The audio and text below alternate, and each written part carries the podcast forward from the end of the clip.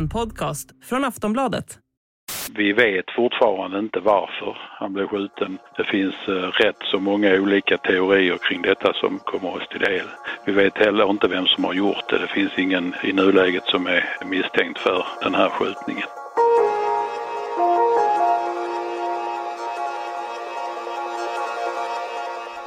Bakgrunden till mordet vid busshållplatsen skulle snart klarna. Allt pekade på att det var någon helt annan som var den egentliga måltavlan.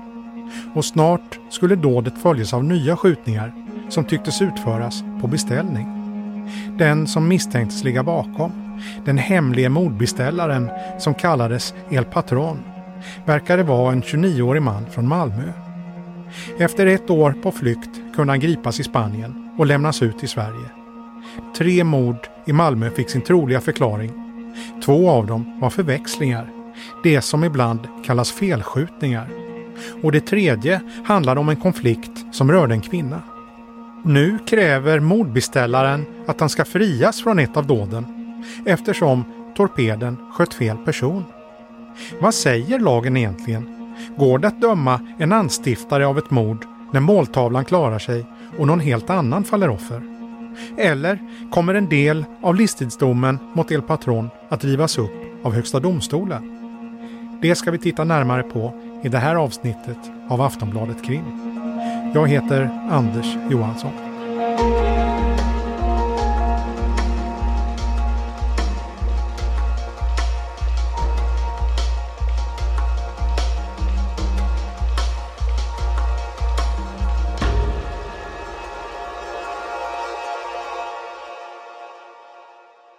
Kan säga att vi har en markant, en stor, stor förbättring. Några nya ordningsregler vi har, eller en ny ordningsregel är bland annat att vi inte lämnar skolans område. Det här avsnittet börjar vi med att lyssna till ett inslag från lokalradiostationen P4 Malmöhus. Det är inspelat den 8 oktober 2015 och handlar om Werner Rydénskolan som ligger i stadsdelen Rosengård i Malmö. En skola som hade fått stänga en dag några månader tidigare på grund av hot och våld. Men nu hade ledningen tagit krafttag och det verkade ha gett resultat. Själva inslaget är inte det viktiga här. Anledningen till att vi lyssnar kommer först i slutet av reportaget. Då intervjuas en elev på skolan om situationen. Han heter Ahmed Obaid och är 15 år. Mindre stök, mindre bråk. Till exempel också att eh, läraren hotades innan. Till exempel lärarna sa att jag ska döda dig och jag ska slå dig och göra de sakerna man säger. Och de sa också mycket fulla ord till dem. På ett foto som publiceras tillsammans med inslaget syns Ahmed Obaid på bild. Han är nyklippt, kort på sidorna och lite längre uppe på huvudet. Han har blå jeans, en mörkblå jacka och sitter på en trappa utanför skolan bredvid en annan elev. I inslaget fortsätter han prata om situationen på skolan. Och nu hotas inte lärarna lika mycket då, som innan? Inte lika mycket, alltså mycket bättre för de flyttar ut de flesta bussiga eleverna ut till andra skolor. Kan du fortfarande känna en viss oro, oroligt här på rasterna eller tycker du att, eller Kanske hur har det lite. blivit? Kanske lite, typ inte med, som innan men inte lika mycket som innan ja. Men bättre än när Ahmed Obaid upplevde att det var bättre nu var det alltså oktober 2015. Drygt ett år efter radiointervjun, i januari 2017, skulle Ahmed omtalas på nyheterna igen. Men utan att hans namn angavs. Ja, igår kväll så sköts en 16-årig pojke till döds vid en busshållplats i stadsdelen Rosengård i Malmö. Och det är bara det sista i en lång rad av mord i stan. Förra veckan så sköts en annan man också till döds. Och många i Malmö är chockade av att ett barn nu har fått sätta livet till.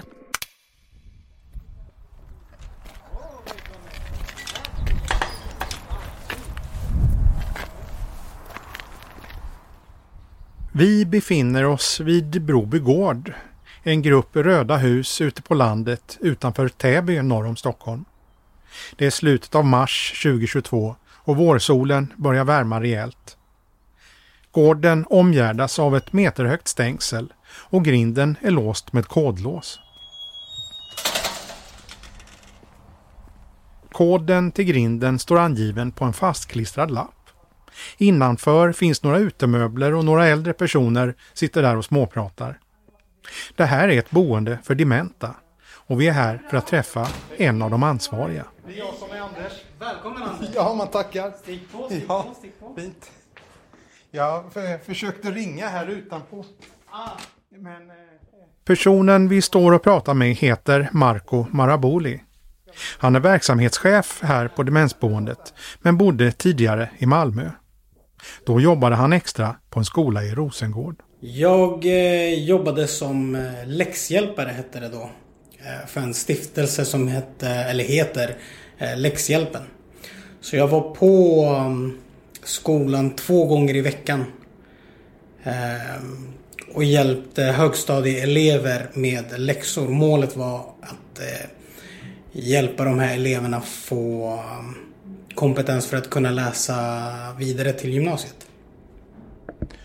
Hur var eleverna? Eleverna var energiska. Vissa var stökiga men eftersom det här var frivilligt så var de allra flesta eh, som med på det. Så att, så att säga. De, de, de skötte sig till, till eh, så i det stora hela. När Marco jobbar på skolan kommer han i kontakt med en elev som heter Ahmed Obaid. Han beskriver honom som en energisk och rolig kille. En ledare. Var han på bushumör så smittade det av sig till hela klassen. Men eh, samtidigt som man, som man åt honom fick man honom att förstå. Så förstod eh, alla andra också. Marco säger att han såg sig själv i Ahmed. Och att det bland annat var därför som de fick en väldigt stark relation. Vi kom varandra nära. Eh, och det är på grund utav att jag såg mig själv i, i Ahmed. Just det här eh, busiga men också det här eh, intelligensen och att han, han var smart. Eh, vi kom varandra nära också på grund utav att jag eh, jobbade eh, under min studietid inom hemtjänsten också i området där Ahmed bodde. Eh, och jag såg ju också att det fanns onda krafter om man säger, om man säger så runt, runt området. Eh, och jag hade bara en magkänsla att jag måste ta mig an honom och några andra och försöka styra dem på, på rätt väg. Så vi kom varandra rätt så nära. Kändes det som han var på rätt väg? Oh ja. Eh, det- var ju, förutom det här busiga så var det ingenting. Jag vet att han eh, har föräldrar som eh, eh, var väldigt måna, hade koll eh, på honom, engagerade. Han eh, var en väldigt stolt eh, storebror också. Eh, jag vet att han eh, såg till att vara en bra förebild för, för sin lillebror. När de diskuterade framtiden pratade Ahmed om sånt som många andra 16-åringar pratar om. Om tjejer, fester och annat som tillhör livet. På längre sikt hade han nämnt att han skulle vilja plugga vidare och kanske söka sig mot att bli läkare. Den 12 januari är en vanlig arbetsdag för Marco Maraboli. Vid sidan av jobbet på skolan arbetade han inom hemtjänsten. Den här dagen hade han precis avslutat ett besök hos en brukare och mött upp en kollega. Eh, och så plingade det till i mobiltelefonen. Eh, att någon är skjuten i, i Malmö. Och jag blev ju lite orolig eftersom jag var ju ute och jobbade då. Man, man rör ju sig i stora eh, geografiska områden där i. Just kring, kring Rosengård. Och om jag inte missminner mig så på den här pushnotisen som kom på telefonen. Att det stod att det var en, en ung person ganska tidigt. Eh, och jag, fick en, jag, fick en, jag fick en magkänsla. Jag hade Ahmed på, på sociala medier. Och jag skrev till honom typ så här. Tja, hur, hur är läget? Vart är du? Eftersom det är ungdomar, de, de är ju ute. Eh, och det var mest för att typ så här, du det har hänt någonting, håll, håll dig hemma. Fick inget svar. dröjde några timmar. Sen när jag var på väg hem så det här spreds ju sig ganska snabbt eftersom det var många människor där. Och jag vet att många av Ahmeds klasskamrater såg honom. Eh, så jag fick ju veta ett par timmar därefter att eh, det var Ahmed som hade blivit mördad.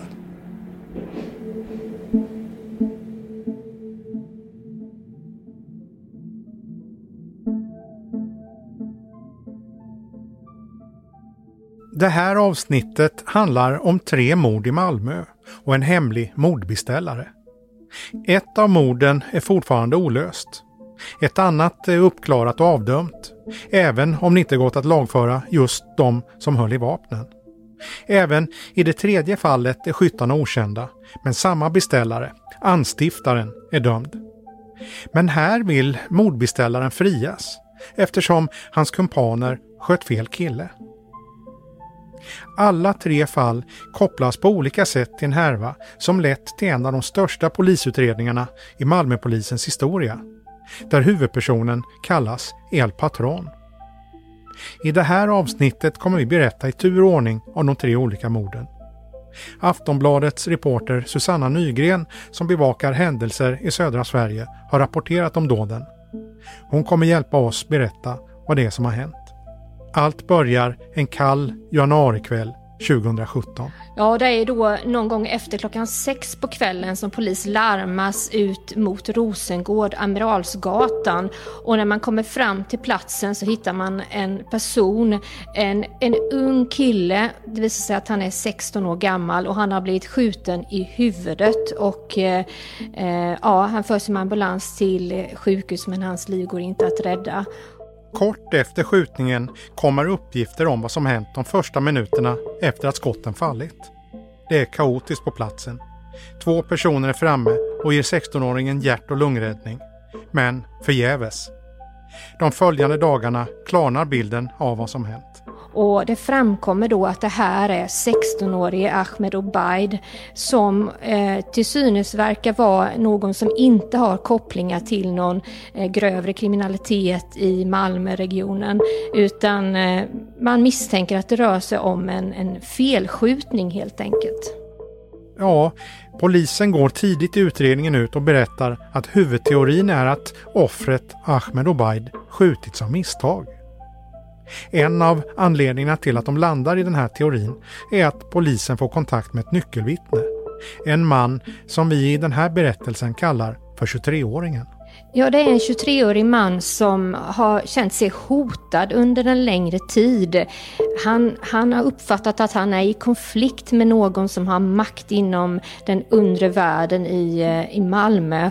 Och han tror att det kanske till och med var så att det var han som var det tilltänkta offret när 16-årige Ahmed Obaid eh, blev ihjälskjuten. Det här är samma person som är framme och ger Ahmed Obaid hjärt och lungräddning direkt efter skjutningen. Och det är också han som försöker få en ambulans på plats så snabbt som möjligt. Han menar själv att han är ganska lik offret och har under den här kvällen en jacka på sig som är väldigt lik den jacka som Ahmed Obaid bär. 23-åringen berättar också att han just den här kvällen blivit lockad till att komma till området av en gammal bekant som han inte pratat med på länge, men som nyligen tagit upp kontakten igen. Den här kvällen hade han blivit utbjuden på en restaurang i kvarteret. Och sen när de har ätit på restaurangen så går de ut för att röka. Och då dröjer det bara någon minut till äh, de hör då ett antal skott eh, och börjar springa i riktningen mot skotten. Och då anträffar de då den här äh, 16-årige pojken som är ihjälskjuten. 23-åringen tror alltså själv att det var han som var måltavlan för skotten och att skytten blandat ihop honom och Ahmed Obaid. Han tycks ha flera anledningar att berätta allt han vet för polisen. Han vill visa att det var inte jag som gjorde det här. Alltså, det är inte jag som har skjutit ihjäl eh, Ahmed Obaid eh, eller jag har ingenting med det att göra. Eh, men det verkar också som att han är rädd för sin egen säkerhet och han anar att det är han då som, som, som står på tur så att säga. Att det är han som ska falla offer för nästa skjutning. Det ska visa sig att 23-åringen har rätt. Drygt två månader efter mordet på Ahmed Obaid skjuts det igen i Malmö. Det var igår kväll vid sjutiden som en 23-årig man sköts till döds här på Rammelsväg i Rosengård, Malmö. Motivet kan finnas i en tidigare dödsskjutning. För nu bekräftar polisen att 23-åringen var det vittne som var först på plats vid mordet på 16-årige Ahmed som sköts till döds vid en busshållplats i Rosengård den 12 januari. Ja, den 30 mars 2017 skjuts 23-åringen ihjäl på Rammels väg i Malmö.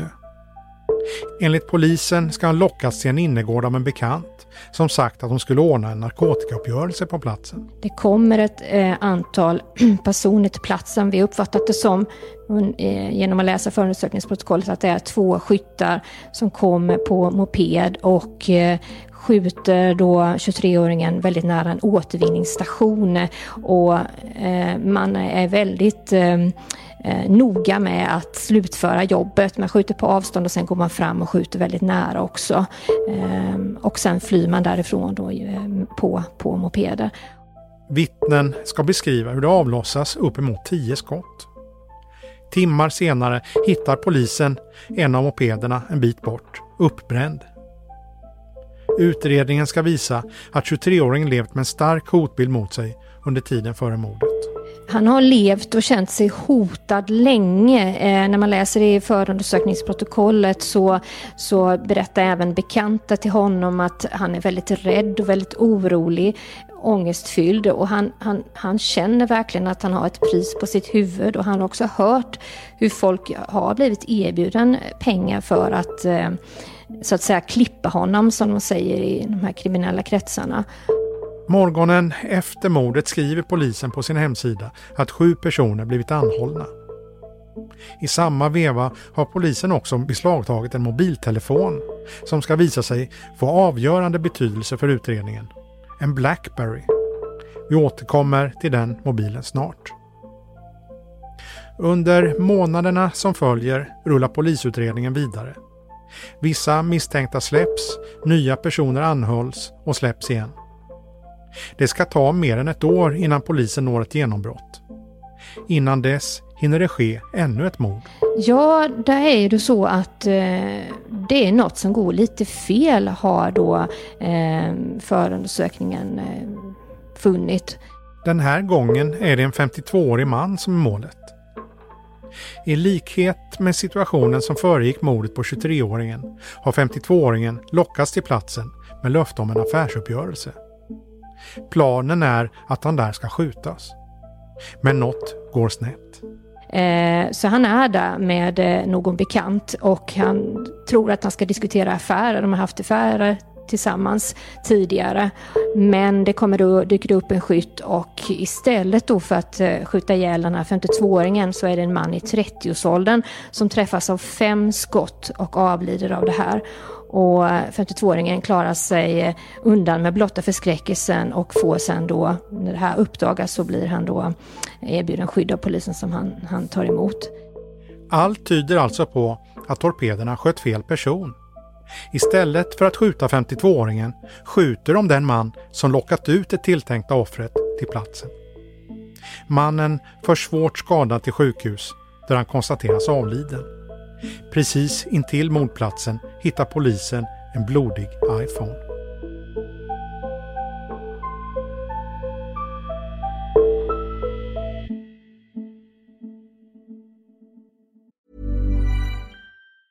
If you thought the only way to get a more defined jawline with natural looking results was through surgery, think again. Juvederm Volux XC is a non surgical injectable gel filler that improves moderate to severe loss of jawline definition and can help you achieve natural looking results with little downtime. Even better, this improved definition lasts up to one year with optimal treatment. No maintenance required. Improve jawline definition for a smooth, sculpted look with Juvederm Volux XC. For important safety information and to find a licensed specialist, visit juvederm.com. That's J U V E D E R M.com. Not for people with severe allergic reactions, allergies to lidocaine, or the proteins used in Juvederm. Common side effects include injection site redness, swelling, pain, tenderness, firmness, lumps, bumps, bruising, discoloration, or itching. There's a risk of unintentional injection into a blood vessel, which can cause vision abnormalities, blindness, stroke, temporary scabs, or scarring. Talk to a licensed specialist specialist to find out if it's right for you. Tre mord som till synes saknar koppling till varandra. Men med hjälp av två mobiltelefoner ska polisen lyckas lösa gåtan och hitta trådarna som binder ihop fallen.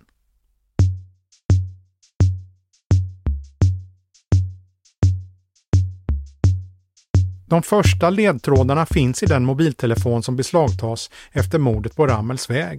Mordet där 23-åringen sköts ihjäl vid en återvinningsstation. Kort efter mordet stannas en misstänkt bil efter tips från vittnen och i samband med det tar polisen en mobil från en av personerna i bilen. I telefonen finns en app för att skicka krypterade meddelanden. Det var inte Encrochat som vi har talat om mycket den senaste tiden, utan det var en Blackberry och den hade också en kryptering och svensk polis klarade inte av att eh, eh, avkoda den, men man fick hjälp av norsk polis och där lyckades man då avkoda och komma in och läsa meddelandena. I chattarna kan polisen läsa steg för steg hur mordet på 23-åringen planeras. Den som lagt ut beställningen är en användare som är inlagd under namnet Partout som erbjuder sig att betala 50 000 euro för mordet. Lite drygt en halv miljon kronor. Men det som kanske är mer intressant för utredarna är att han i vissa meddelanden presenterar sig som patronen. Efter mordet 2018 dyker samma smeknamn upp igen.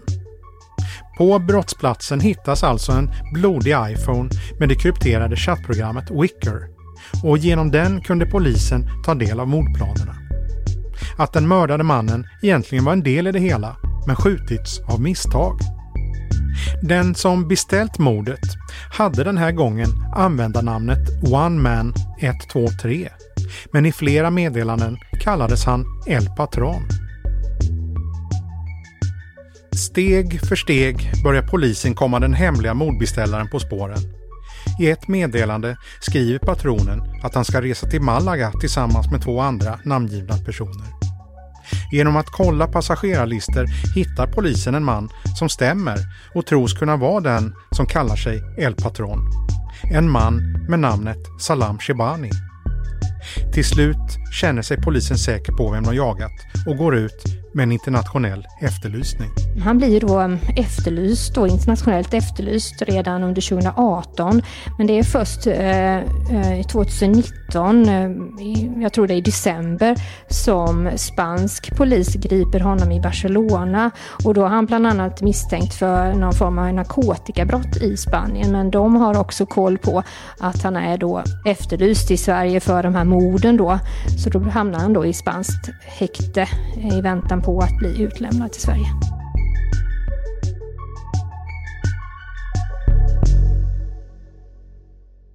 Salam Shibani är 28 år när han grips och förekommer under ett tiotal avsnitt i belastningsregistret. Han har dömts till fängelse tre gånger. Bland annat fälldes han för medhjälp i ett rån mot en pantbank i Trollhättan 2010 då Shibani var 18 år. Straffet blev då fängelse i ett år och nio månader. Enligt myndigheternas kartläggning ingick han då i ett kriminellt gäng som kallade sig Black Cobra. Två år efter råndomen, 2012, dömdes han på nytt. Nu för vapenbrott, dopningsbrott och narkotikabrott. Då blev det fängelse i fyra månader. Femårsperioden därpå tycktes han ha lugnat ner sig och åkte bara fast två gånger för trafikförseelser. En gång för en registreringsskylt som inte var ordentligt synlig och den andra gången körde han mot rött ljus då en civil polisbil följde efter honom. Ett digert brottsregister, men när han grips i Spanien är han alltså misstänkt för långt grövre brott för att ha beställt flera mord.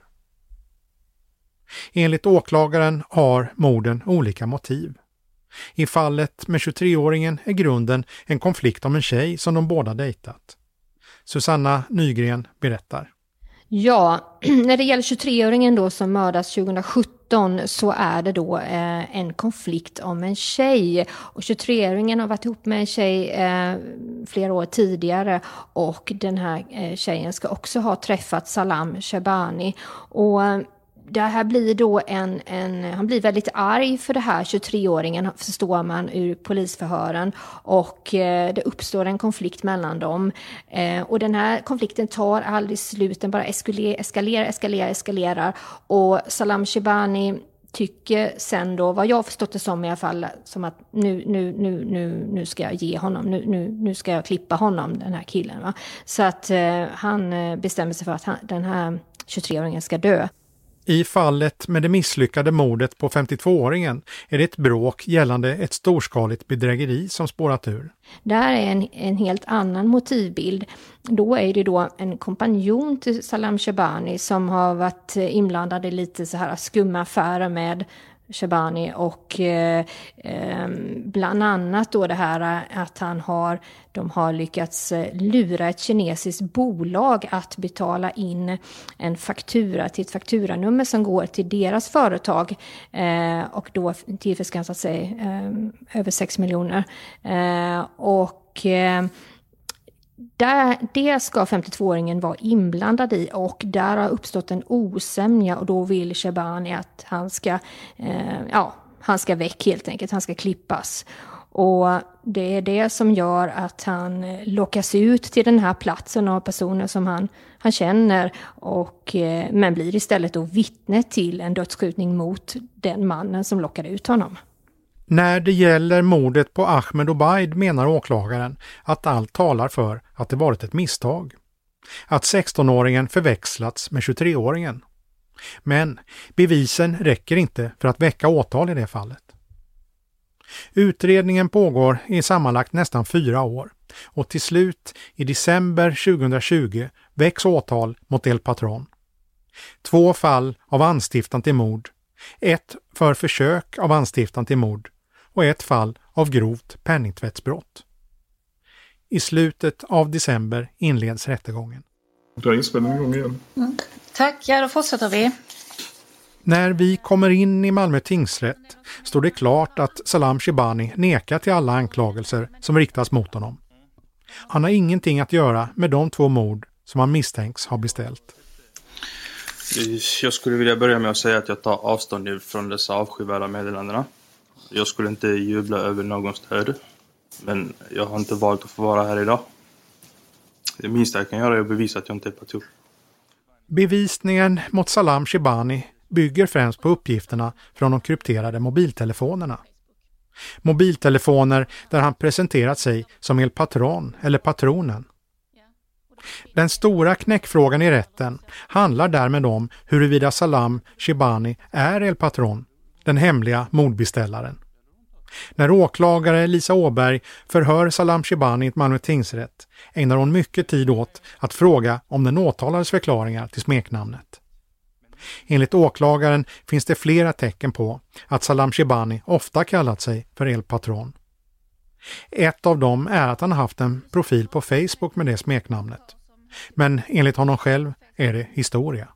Jag hette El Patron på Facebook när jag var liten. El patron betyder chefen på spanska. Eh, jag tyckte det var fräckt.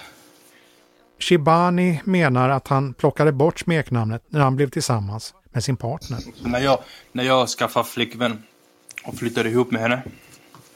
Ja, det blev ju seriöst. Jag menar. Hon pluggade och... och alltså jag kan ju inte springa. först och främst så fick jag inte ha kvar Facebook. Så det var därför jag tog bort den. Och så hette jag Patron när jag var liten. Återigen, jag tyckte det var fräckt. Det betyder chefen. Det är inget smeknamn, det är en titel som betyder någonting. Åklagaren undrar om smeknamnet på Facebook var något som användes i Shibanis bekantskapskrets. Inte innan utredningen blev offentlig. Det var ingen som kallat mig för, för det. Det är nu tack vare den här utredningen som allihopa nämner mig, kallar mig för patron. Har det någonsin hänt att någon säger till dig patron, hej patron? Aldrig. Aldrig? Aldrig. Aldrig? Det är pinsamt. Aldrig. Aldrig? Det, det, först när utredningen kom och så la de upp den bilden och nu vet alla. Salam El Patron. En annan detalj handlar om en keps som Salam Shibani burit. Kepsen finns på fotografier som hittats i en mobil som ingår i utredningen. På sidan av kepsen finns en broderad text som stavas Patronen. Vi hör åklagare Lisa Åberg igen. Foton på en keps på sidan 64 och 87 och framåt. Berätta om kepsen. En gammal keps. Väldigt gammal keps. Fotona är daterade i telefon till den 8 juni 2018. Kan det stämma med Alltså, det är ingenting jag, Detta. jag har inte reflekterat över det helt ärligt. Det är en sån liten detalj man inte ens lägger märke till. Vet du var du är någonstans? Nej, Är du utomlands? förmodligen.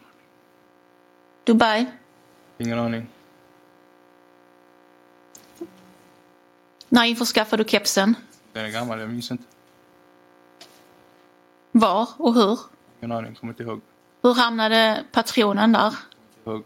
Fanns det redan skrivet så när du köpte kepsen eller fick du själv fixa det? Jag kommer inte ihåg. Kommer du inte ihåg? Men om det är en gammal keps, varför bär, bär du den i juni 2018? Jag inte, har inte reflekterat över det. Om du tycker det är trams med patronen, varför bär du en keps som det står patronen på? Jag har reflekterat över det, jag vet inte, jag kommer inte ihåg.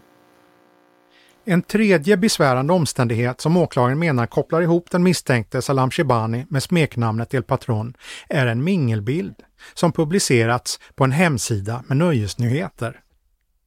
Fotografiet är taget på en klubb i Dubai i december 2015. Just den här kvällen spelar artisten Flo Rida på stället och en mingelfotograf ska fånga stämningen. På bilderna ler folk in i kameran och på en av bilderna fångas ett bekant ansikte. Salam Shibanis. Han är den här kvällen klädd i skjorta och jeans och tittar leende in i kameralinsen. Bredvid honom står två kvinnor och en annan man som också tittar in i kameran. Men det är inte fotografiet i sig som väcker åklagarens intresse, utan bildtexten under. De tre personerna bredvid Shibani blir presenterade med korrekta förnamn. Men Salam själv beskrivs i bildtexten bara som, just det, El Patron. Åklagare Lisa Åberg igen. Den här bilden som vi har tittat på tidigare och som framkom då att den finns även på eh, Time Out Dubais hemsida eller webbsida. Eh, vad kan du berätta om detta? Jag, jag, har- jag, känner igen, jag känner igen evenemang, eh, eventet, det gör jag. Men eh, jag reagerar på att just under mitt namn så står det så. Och jag har ju sagt sen dag att jag vet inte varför det ska stå så. Åklagaren frågar hur det kommer sig att alla andra personers namn är rätt återgivna och hur fotografen i så fall kommit fram till att det ska stå El Patron under Salam Shibani. Deras namn är ju korrekt återgivna här. Någon som har bett fotografen att skriva så tror jag. Jag vet inte varför det står så. Vem, för det, uteslutningsmetoden säger ju att El Patron det är du. För sen är det Hur har fotografen eller den som publicerar detta fått uppgiften om El Patron? Vem har gett uppgiften? Jag har ingen aning. Men det är inte du eller? Det är inte jag som jag skulle aldrig göra någonting sånt. Är det någon av de andra tre då? Jag vet inte, jag kan inte svara på det. Uppgiften har ju kommit är på något sätt. Jag har inte sett. Så jag kan inte säga som det jag, Om jag inte har sett det så säger jag inte att jag, hur det är. Men vad du har sett eller inte spelar ju ingen större roll. Det handlar ju om vad händer när fotot tas? Vilka uppgifter ges? Jag kan inte gissa åklagaren. Jag tänker att när fotografen kommer här och ni poserar, ber fotografen om lov att få fotografera er? Jag vet inte. Du vet inte? Du- Minns du fotot? Att ni poserar tillsammans? Jag har varit ute och festat mycket i Dubai, det vet jag. Vem vad är detta för event? Det, det står ju där, Florida. Ja, kommer du ihåg att du har varit på en sån konsert eller liknande? Jag känner ju, alltså, jag vet att jag har varit ute, jag får ingenting förneka. Jag har vistats en, en del i Dubai. Det har jag gjort. Men jag kommer inte, vet inte varför det står ett patron under just mitt namn.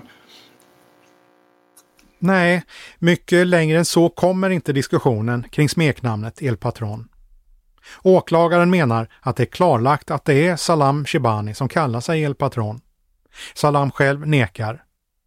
Kort senare bryter domaren för lunch. är det dags för lunchpaus. Vi fortsätter klockan 12.50. 10 i 1 fortsätter vi. 12.50.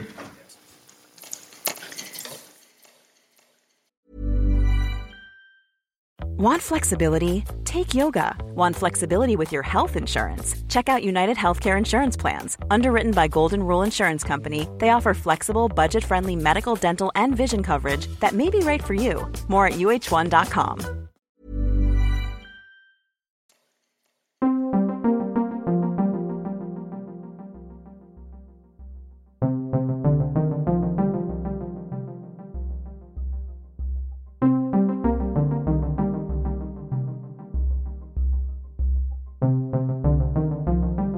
Efter 40 dagars huvudförhandling i tingsrätten är rättegången över. I maj 2021 kommer domen. Idag föll domen mot en 29-årig man i Malmö som ska ha beställt två mord via telefon under 2017 och 2018. Malmö tingsrätt dömde mannen till livstidsfängelse för anstiftan av mord och anstiftan av försök till mord. Tingsrätten kommer fram till några viktiga saker. Den främsta är att Salam Shibani är El Patron, mordbeställaren. Och han döms alltså för att ha anstiftat mordet på 23-åringen som sköts på Rammels väg. Han döms också för anstiftan av försök till mord på den man som överlevde vid dådet på Docentgatan. Men han frias för anstiftan av mord gällande den man som sköts där istället. Det han fälls för är ändå tillräckligt för att det ska bli livstid. Målet överklagas och tas om i hovrätten. Viss ytterligare skriftlig bevisning kommer till, men annars är utredningen som läggs fram praktiskt taget densamma som i tingsrätten. Förhören från tingsrätten spelas bland annat upp på nytt. 24 november 2021 är det så dags för hovrätten att meddela sin dom. Det blev livstidsfängelse för en 30-årig man i Malmö som beställde två mord via telefon under 2017 och 2018. Han dömdes tidigare till livstid i tingsrätten, också då för anstiftan till mord men också försök till mord och grovt penningtvättsbrott. Hovrätten dömer alltså mannen för ytterligare ett fall av anstiftan till mord. Hovrätten anser också att det är bevisat att Salam Shibani är El Patron. Och han döms nu även för anstiftan av mord på den man som sköts när den verkliga måltavlan överlevde. Men Shibani är inte nöjd med domen utan överklagar med hjälp av sin advokat och Högsta domstolen beviljar prövningstillstånd. Det är sällsynt och sker i stort sett bara när det behöver skapas ett prejudikat som ska vara vägledande för rättstillämpningen framöver. Oshin Cantwell, nyhetskolumnist på Aftonbladet, har följt det här fallet som juridiskt sett handlar om anstiftan av två mord. Problemet är att eh, ett av de här morden sköt eh, torpeden ihjäl fel person. Och då ansåg tingsrätten att eh, det saknades uppsåt eftersom, eh, jag menar, lägger man ut en beställning att person A ska bli mördad och så blir person B mördad. Har man då verkligen uppsåt till att ha mördat person B? Nej, ansåg Malmö tingsrätt och eh, dömde honom för all del ändå till livstidsfängelse men bara för ett av morden. Hovrätten gjorde dock en eh, annan bedömning och eh, ansåg att eh, han var skyldig till att ha anstiftat båda de här morden varefter livstidsstraffet eh, fastställdes. I hovrätten så refereras till ett tyskt fall som kallas Rose Rosal. Vad, vad handlar det här fallet om? Det är faktiskt väldigt udda och väldigt intressant. Det är ett fall från 1800-talet, mitten på 1800-talet, där den ena av de här två personerna lyckas övertala den andra att han ska mörda en man som går förbi en viss plats vid en viss tid varje kväll. Sagt och gjort, torpeden åtar sig uppdraget. Det är bara det att det är en helt annan person som går förbi på den där platsen vid den där tiden. Va? Så fel person mördas precis som i det här fallet. Då tyckte tysk domstol ändå att han var skyldig. Eh, och det här fallet, eh, 150 år gammalt eller vad det nu kan ha varit, va? det använder sig eh, hovrätten av i sitt resonemang och det säger också om hur lite praxis det finns för sådana här väldigt, väldigt udda situationer. Att ett tyskt rättsfall används av en svensk domstol är sällsynt. Oshin Cantwell igen. hovrätten behövde praxis att luta sig mot. Tidigare prejudikat, tidigare domar. De ville väl inte stå helt på egna ben. Och då letar de och letar och letar och så hittar de det här gamla 1800-talsfallet i Tyskland. Ingen, det finns alltså inget motsvarande fall exempelvis i Sverige. Just det. Och advokaten har ju överklagat och drivit det här ärendet. Hur motiveras det att det ska tas upp i Högsta domstolen? Nu har ju Högsta domstolen gått med på att åtminstone delvis ta upp det här fallet och det har att göra med det vi pratade om alldeles nyss, att det inte finns någon praxis i, i, i Sverige. Är, är man tvungen att luta sig mot eh, gamla 1800-talsdomar i Tyskland så kan man ju nog tycka att eh, nya, lite färskare prejudikat skulle vara eh, behövliga och eh, Högsta domstolens eh, viktigaste uppgift är ju att staka ut praxis, alltså vägledning för tingsrätter och hovrätter att eh, luta sig mot. Och nu har ju advokaten överklagat båda de här två morddomarna. Eh, Högsta domstolen har beslutat att ta upp det här oklara fallet, alltså fallet där fel person sköts ihjäl och så låter de resten av fallet vila tills vidare, det vill säga först prövar de den här frågan och sen så tar de eventuellt upp eh, även eh, eh målet i sin helhet. Det är ännu inte bestämt det finns ju något som heter likgiltighetsuppsåt. Borde inte det spela in här? Jo, jag har ju skrivit om det här och då argumenterade jag för eh, just det. Och det är om jag ska tippa någonting så tror jag att Högsta domstolen kommer landa i det också. Va? Därför att även, även om det nu är fel person som blir mördad, när man lägger ut det här uppdraget så tar man ju också en risk. Va? Personer som inte har med saken att göra kan bli skjutna. Det här alltså handlar om en uppgörelse på, på, med, ute på en gata. Va? Eh, fel person kan bli skjuten, andra som passerar kan bli träffas av rikoschetter eller whatever. Så det finns ju ett betydande mått av likgiltighet här. Och jag skulle inte bli förvånad om inte Högsta domstolen landar i den slutsatsen att här förefaller i vart fall ett likgiltighetsuppsåt. Trots, även om nu eh, fel person dödades. Men vad ser du för möjliga utgångar nu i HD? Ja, alltså eh, man kan ju tänka sig att HD går på tingsrättens linje. Alltså rent teoretiskt kan man tänka sig att hovrätten går på tingsrättens linje och friar i det här fallet. Men det skulle förvåna mig. Jag tror att hovrättens domslut eh, ligger närmare till hands. Eh, och sen ska man ju komma ihåg att även om man nu eh, mot förmodan skulle frias för det här mordet så är han ju dömd för ett annat mord också och det är inte ens upp till prövning just nu. Och eh, eh jag, jag, skulle, alltså i teorin kan man tänka sig att han i slutändan blir friad för allting. Men det finns ju ganska övertygande eh, bevisning i form av chattmeddelanden. Och sen nu så här ganska övertygande, jag är av uppfattning att det är väldigt övertygande bevisning. Alltså, att den här mannen i slutändan skulle gå helt fri, det har jag svårt att tänka mig.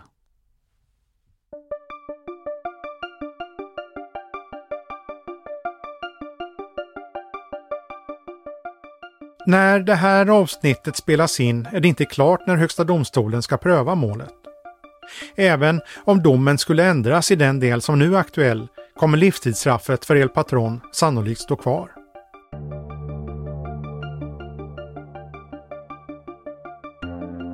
Utredningen om det första av de här tre morden, där 16-årige Ahmed Obaid föll offer, har inte lett till något åtal. Skyttarna är också här okända, men både tingsrätt och hovrätt skriver att det är mycket troligt att han blev förväxlad med den 23-åring som sköts några veckor senare. Ahmed Obaid bar en mörk jacka med pälskant på huvan, precis som 23-åringen. Och så lite verkar ha räckt för att han skulle bli mördad. Något entydigt svar på vem som legat bakom mordet finns ännu inte.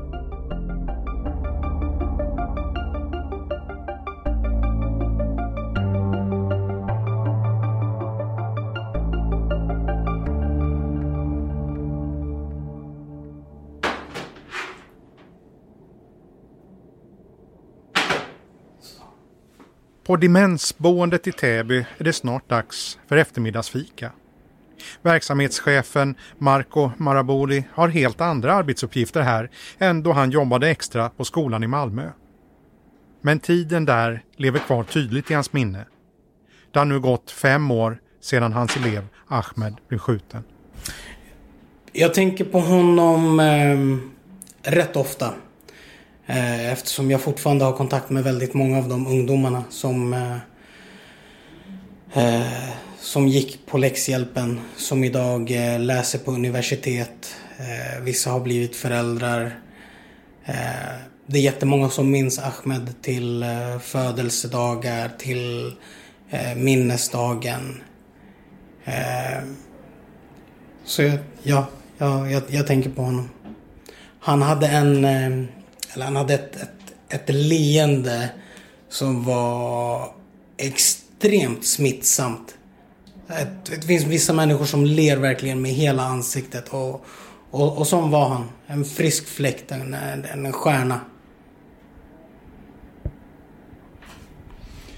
Om du skulle beskriva saknaden som du känner?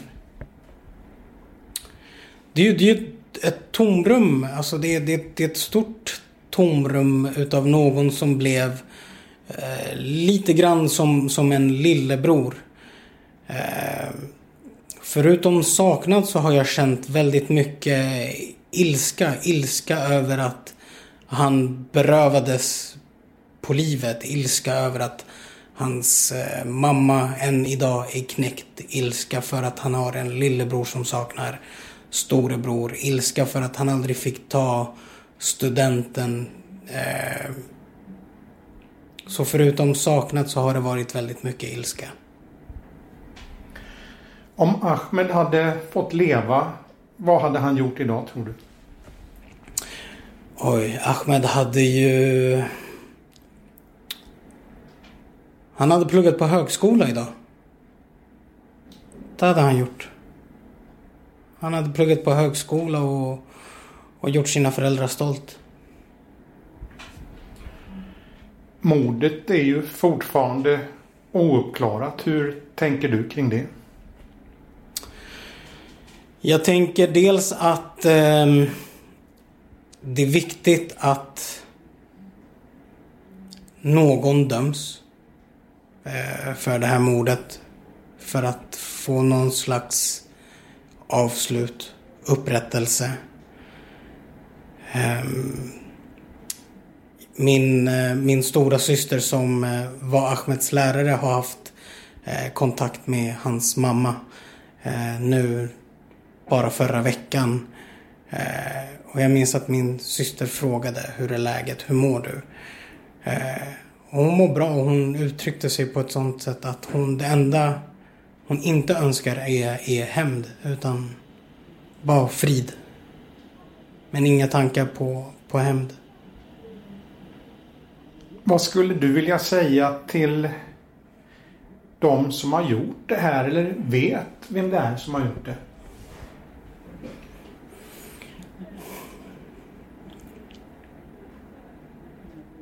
Man brukar ju säga att har man ingenting gott att säga så ska man inte säga någonting alls. Eh, jag har ingenting gott att säga till dem personerna som eh, eh, mördar barn. Jag tänker om det är någon som vet om det här, vad, skulle de vända sig? Skulle de... Om man vet någonting, om man sitter på någon typ av information, att man, eh, att man går till polisen. Och att de tänker på att eh, Ahmeds mamma fortfarande behöver eh, upprättelse. Att de ska tänka på hans mamma, att de ska tänka på sin egen mamma.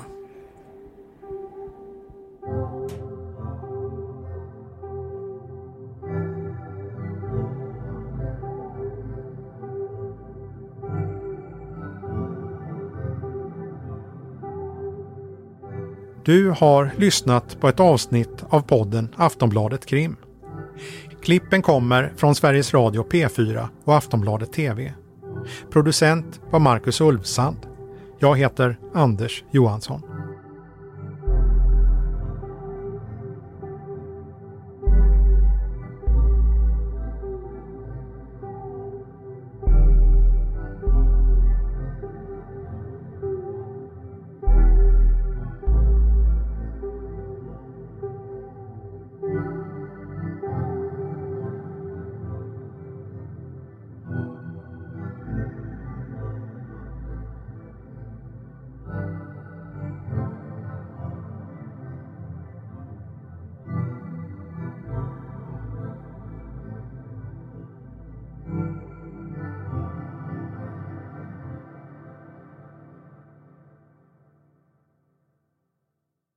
Du har